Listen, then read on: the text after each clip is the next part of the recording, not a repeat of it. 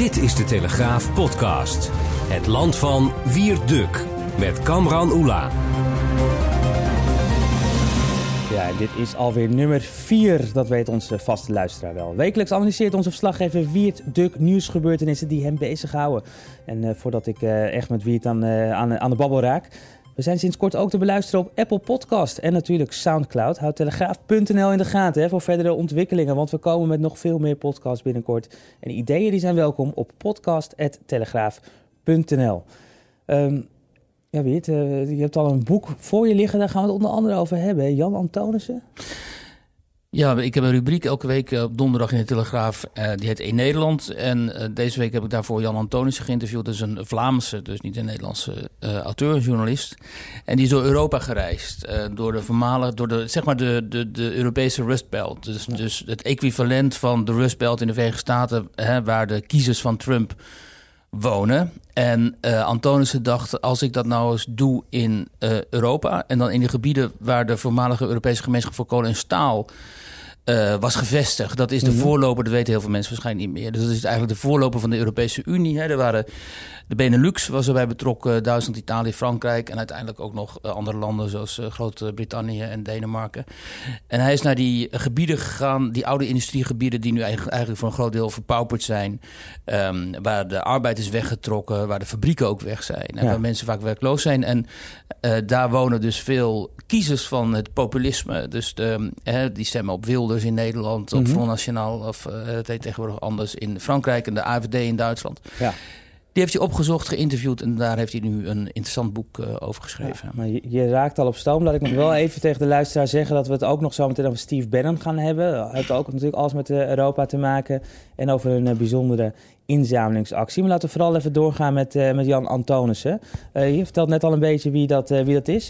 even naar misschien een fragment van hem luisteren. Want hij is bij Bureau Buitenland, dat is op NPO Radio 1 geweest... waar um, hij ook iets vertelde over dat boek wat hij nu geschreven mm -hmm. heeft. Tenminste, waarom hij dat boek wilde gaan schrijven... naar de verkiezing van Trump. En dat is bijna twee jaar geleden. Dit zei hij toen de verkiezing van Trump stond niet alleen. Uh, er was ook de brexit geweest een beetje daarvoor. Dus um, er was wel iets gaande. En op een bepaald moment lees ik een uitspraak van uh, Martin Schulz... Uh, de Duitse sociaal-democratische voorzitter van het Europees Parlement. Ja, en later lijsttrekker voor de SPD in Duitsland. Ja. Absoluut. En ja, die zegt op een bepaald moment... ja, het is tijd voor een, revolutie van de fatsoenlijken.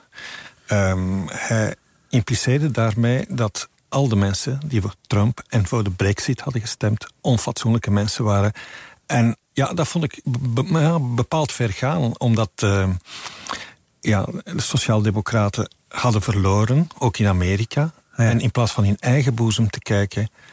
Uh, wezen ze met de vinger naar de mensen die voor de foute partij hadden gestemd. Ja, dat is dus een uitspraak van die Martin Schulz, uh, mm -hmm. Duitser. Uh, dat was dus de aanleiding geweest voor dat boek. Hè? Wie zijn die onfatsoenlijke dan eigenlijk? Uh, ja, nou, de, de concrete aanleiding is dus die verkiezing van Trump geweest. Ja. En de grote verbazing daarover. Hoe kon het nou? Hoe kan het nou dat het niet Hillary Clinton uh, president werd, maar uh, Trump? En uh, uiteindelijk uh, de populariteit van die populistische partijen in uh, Europa. En ook de ineenstorting eigenlijk van de sociaaldemocratie. Want met die Schulz, hè, daar heb je dus bij uitstek een zo'n type vertegenwoordiger van de, zeg maar, de, de oude, eigenlijk alweer sociaaldemocratie. Die totaal de connectie met de eigen kiezers is kwijtgeraakt. In Nederland heb je dat ook gehad met, nou ja, met Wim Kok, die onlangs is overleden. Die de ideologische veren afschudde. En sindsdien is het alleen maar slecht gegaan met de Partij van de Arbeid. Dat mondde er uiteindelijk uit in Diederik Samson, die eigenlijk als soort technocraat met de VVD ging regeren. En alle laatste kiezers ook nog eens keer uh, wegjoeg. Um, uh, Antonissen is interessant omdat hij is een linkse jongen. Hij omschrijft zichzelf ook als een linkse jongen, linkse Vlaming. En hij heeft eigenlijk, zegt hij, in, zijn, in het verleden uh, noemde hij die populistische kiezers ook eigenlijk allemaal domme racisten. Ja. En hij vond het maar een soort van mensen waar je van gruwt. En hij gruwt ook nog steeds van mensen als Wilders en Le Pen en zo. En uh, Matteo, de, de, de, de Italiaanse regering. Ja, ja. Um, Uh, maar hij dacht wel van ja, maar ik kan dit niet uh, onweersproken laten. En ik moet toch met die mensen gaan praten om eens te zien wat hen nu precies uh, beweegt. En uiteindelijk heeft hij begrepen, zegt hij, dat deze mensen reden hebben, alle reden hebben om boos te zijn en verontwaardigd te zijn. Omdat zij gewoon de verliezers van deze tijd zijn. Hè. Dit is de, de, de blanke onderklasse, hè. dat wordt tegenwoordig de witte onderklasse genoemd, maar dit is de blanke onderklasse.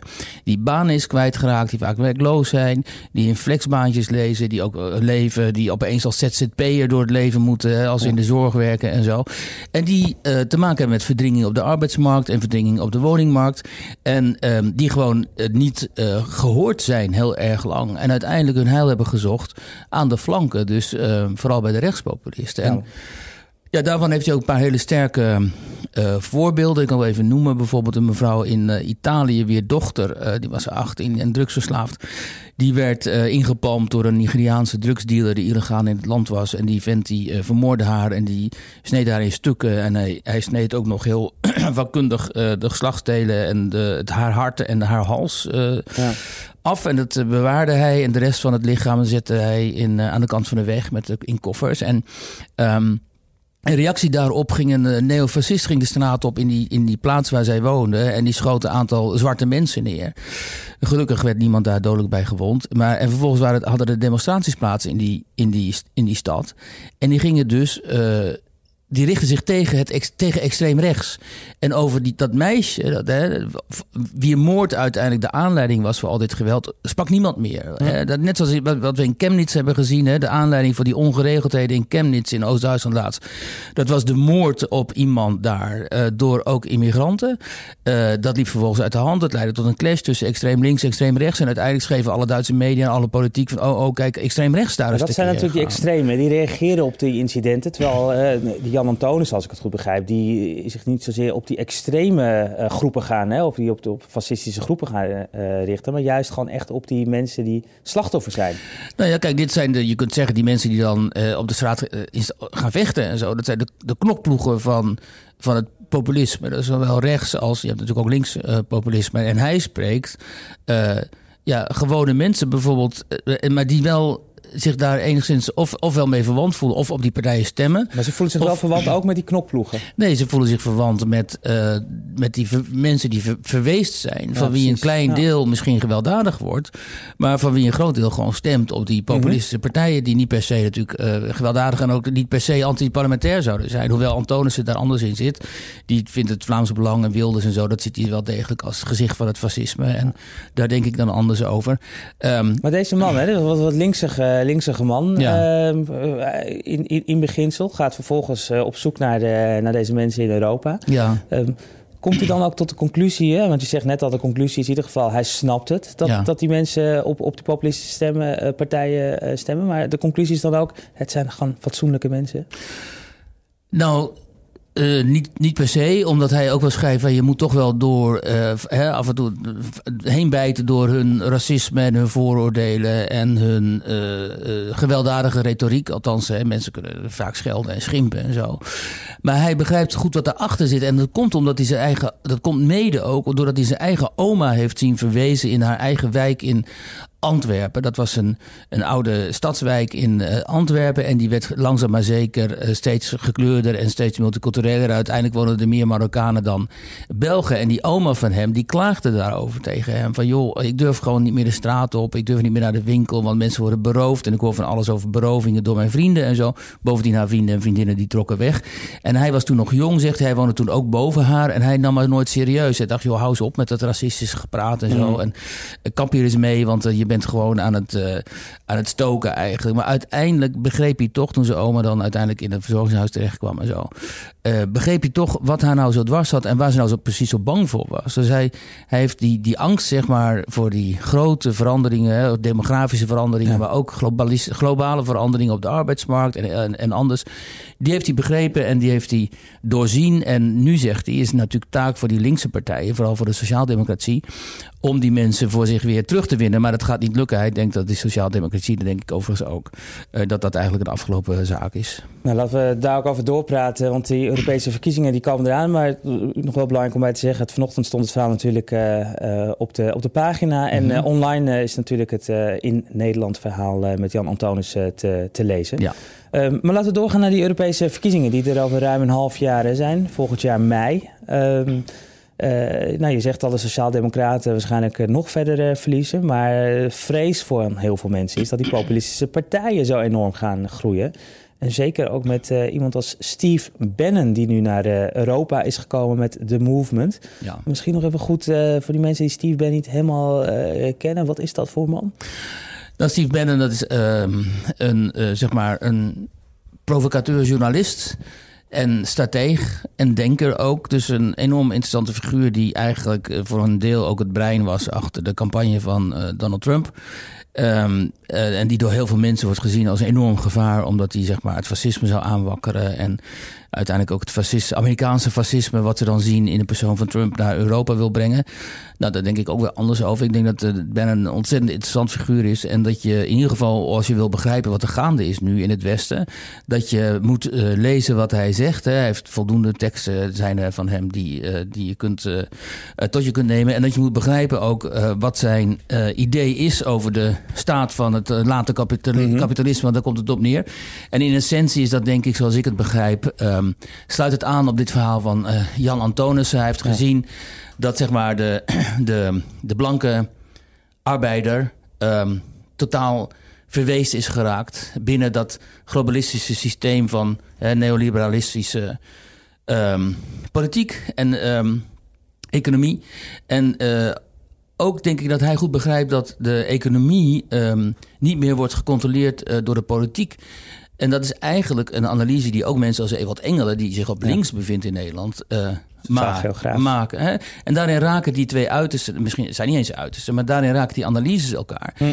Um, en dat is dus uh, systeemkritiek, dat zowel van Bern als van, van, van Engelen. En het interessante is dat met die systeemkritiek, notabene, Donald Trump aan de macht is gekomen. En daarom is het ook zo'n, voor heel veel mensen is Trump zo'n gevaar. Nu wil die Bannon deze ideologie, zeg maar, in, in Europa ook um, uh, verenigen. Ja, dus, dat samenwerken. Dus al die, uh, al die populistische partijen zijn ogen. Precies, zij wil die populistische partijen bij elkaar brengen. En, zeg maar, uh, en dit programma dan, neem ik aan, uh, gaan doorvoeren. Maar um, die partijen die liggen dwars, want die willen ja. niet, weer niet samenwerken met hem. Ze willen ook niet samenwerken met mensen met wie hij dan weer in Europa samenwerkt. Want dat ligt ook allemaal heel erg ingewikkeld. Dat speelt allemaal oud zeer kennelijk. En concurrentie. Dus Wilders heeft al afgezegd. Vla Vlaamse Belang wil niet. Maar dan uh, De Pen wil niet. Um, dus dat, dat, dat gaat een mislukking worden.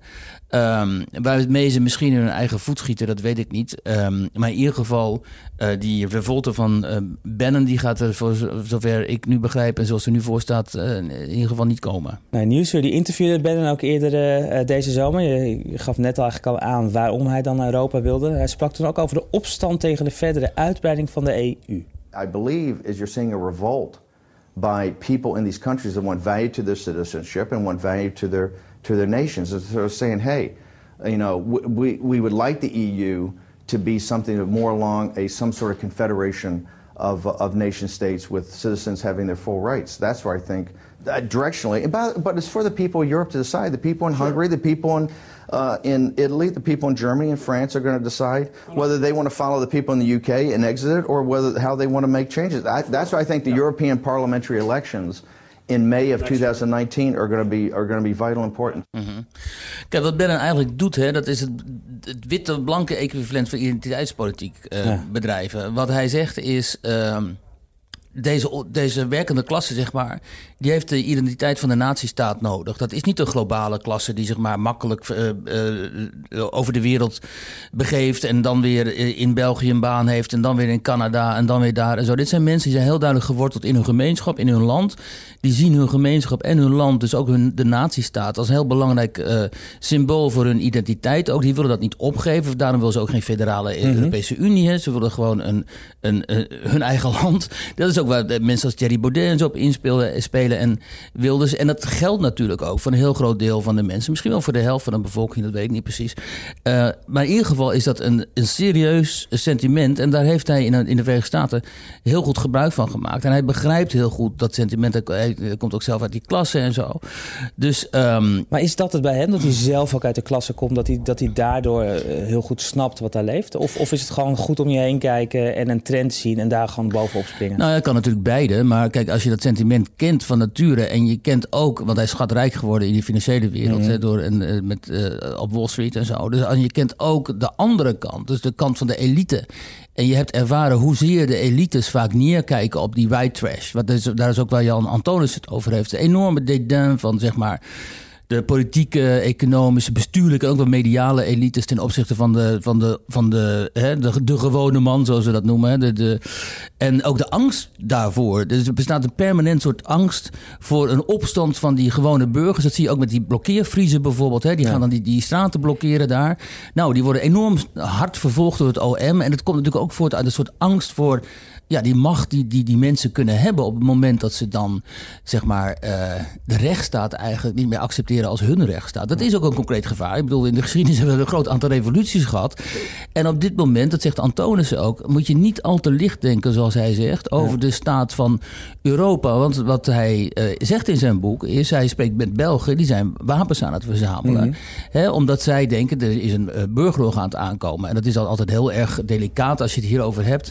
Uh, want dan wordt Wierduk, die wordt dan weer gezien als een soort um, ondergangsdenker en zo. Maar vergeet ook niet de eh, voormalige minister van Binnenlandse Zaken, Collomb van Frankrijk. Die is afgetreden of die ging weg. En die waarschuwde in zijn afscheidsspeech, toespraak, ook voor geweld. Hij zegt, ik heb alle uh, probleemwijken in Frankrijk bezocht. Ik maak me grote zorgen, want nu leven we nog naast elkaar, dus in zeg maar, parallele samenlevingen. Maar misschien staan we in de toekomst wel tegenover elkaar. En dat is um, uh, dat is natuurlijk niet zomaar iemand die het zegt. Bovendien is deze man een socialist en niet een rechtspopulist als Wilders of ja. anderen. Maar ehm, wie, we gaan het ongetwijfeld het komend half jaar nog veel vaker over de Europese verkiezingen hebben. En misschien wel de ondergang van Europa of, of niet. Nou, Europa zal niet te ondergaan, maar de Europese Unie in deze ah. vorm die zal ongetwijfeld die, kan, die zal niet langer op deze manier voortbestaan. Maar tot slot toch nog even één vraag erover. Hè? Want die hele groep, die gaat toch helemaal niet, hè? de groep waar we het over hebben, uh, die gaat toch helemaal niet stemmen. Europa is zo'n ver van de bedshow. Nou, dat is natuurlijk voor die populisten is dat een enorm probleem om die mensen uh, naar de stembus eh, te krijgen. Dus dan zullen ze wel hele goede campagnes moeten gaan, uh, gaan opzetten. Uh, dus dat is inderdaad maar de vraag of die ontevredenen, die onfatsoenlijke van Jan Antonissen, of die Europa wel zien, of de Europese Unie wel zien als een project dat voor hen de moeite waard is. Ja, we gaan gewoon weer naar eigen land, want we hebben het heel veel over eh, Europa gehad. Vorige week werd de 21-jarige Azim A. veroordeeld tot 10 jaar cel, TBS met dwangverpleging erbij. Hij schoot de zogenaamde korreweg is hij gaan uh, ja. in de volksmond. Schoot in Groningen zomaar op student uh, Sidney Ruiter. Uh, beste jongen die overleefde net, maar hij is verlamd geraakt geloof ik. En nu is er een inzamelingsactie. Ja, dat is dus een heel mooi voorbeeld van, van alles. Namelijk van de kracht van het internet en ook van de, zeg maar, de gemeenschapszin waar heel veel mensen zo naar hunkeren. Want we leven wel in gepolariseerde tijden, maar tegelijkertijd zijn er heel veel mensen die uh, heel erg uh, behoefte hebben aan, um, aan samen zijn. Dus bijvoorbeeld, hè, daardoor zijn bijvoorbeeld heel veel van die columns van dat zijn vaak ook vrouwelijke schrijfsters die dan schrijven over verbinding en, hè, en, en proberen het, de dialoog aan te gaan en zo. Die zijn heel erg populair omdat mensen dat graag lezen, omdat ze dan dat een soort bezweringsformule is dat. Ja. En uh, nu is voor deze jongen een crowdfund gestart om hem uh, te helpen of met zijn ziektekosten. Nou ja, en anderszins zijn hart onder de riem te steken. En binnen een paar dagen is er al 30.000 euro ingezameld, ja. geloof ik. Zo aan ze op twee ton. En dat vind ik dus fantastisch, omdat zo'n crowdfund actie kun je gewoon opzetten via het internet. En dan zijn er allemaal mensen die 5 euro of 10 euro geven en zo. En dat is niet alleen uh, ontroerend, maar het duidt er ook op dat mensen gewoon bereid zijn om iets voor de ander te doen. Zeker voor een jongen die gewoon van zijn fiets stapte om eens te vragen: joh, is er iets aan de hand? bij een soort geschil op straat. En vervolgens vijf kogels of geloof ik in zijn rug krijgt. Wat natuurlijk een onvoorstelbare eh, actie eh, is geweest. En die, die schutter die heeft ook nog steeds geen, eh, geen spijt betuigd. Hij vond het wel fijn om iemand neer te schieten. Vond hij wel een fijn gevoel. Ja, ja dat is stapelgek natuurlijk. Maar het is wel mooi dat, hè, dus dat is eigenlijk waarom we het volgens mij ook even over hebben. Dat, dat we, er wordt vaak maar gezegd alles verhardt en polariseert. Maar er zijn dus ook gewoon mooie initiatieven die heel mooi verbinden. Ja, dus we moeten eigenlijk iedereen oproepen om even aan die site te gaan. Ik weet niet wat, de, wat de, de, de, URL heet dat geloof ik, hè, daarvan is. Maar kunnen we even Dan klinkt je wel heel oud. Hè? Als je zo, je maakt een podcast, dat is helemaal 2018 en dan heb je... Ja, maar we zijn toch al URL's al lang voorbij? ja, we zijn URL's inderdaad. We zijn al bij de podcast. Uh, URL uh, lang voorbij inderdaad. Allemaal mensen kunnen hem gewoon even, als je het even naar googelt en zoekt, dan, dan vind je het. Het staat ook bij ons op de site. Houden we ook steeds in verhalen door onze correspondent André Spaanse bij hoeveel geld er is opgehaald. Mooi zo. Weet we 20 minuten alweer geloof ik. Ja, zo snel gaat het eh, leven. Ja. Het vliegt voorbij. Ja, misschien moeten we hem moeten we langer gaan maken. Een uurtje of zo. Een, uurtje.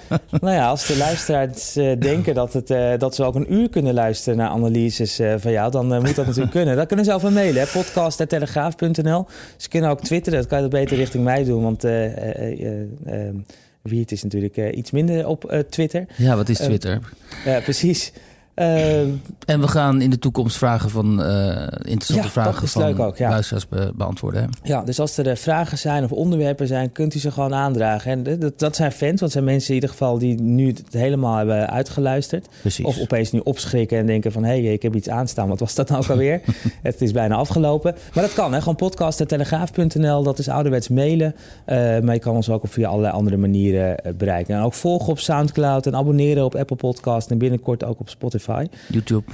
YouTube, ja, dat kijk, je bent toch wat moderner. Jij weet het altijd weer. Uh, dat vergeet ik elke keer. Uh, ik denk dat toch aan video, maar we hebben zelfs daar podcast. Maar uh, wie het een heel lang einde dit. En ik dacht, ik geef jou alvast wat tijd. Want de vaste luisteraar die weet inmiddels dat we eindigen met de vraag... Waar verheug jij je op komende week? Ik verheug me op een paar uh, lezingen en uh, panelbijeenkomsten waar ik uh, voor uitgenodigd ben. En met name op eentje over een week, geloof ik, in Bos en Lommer.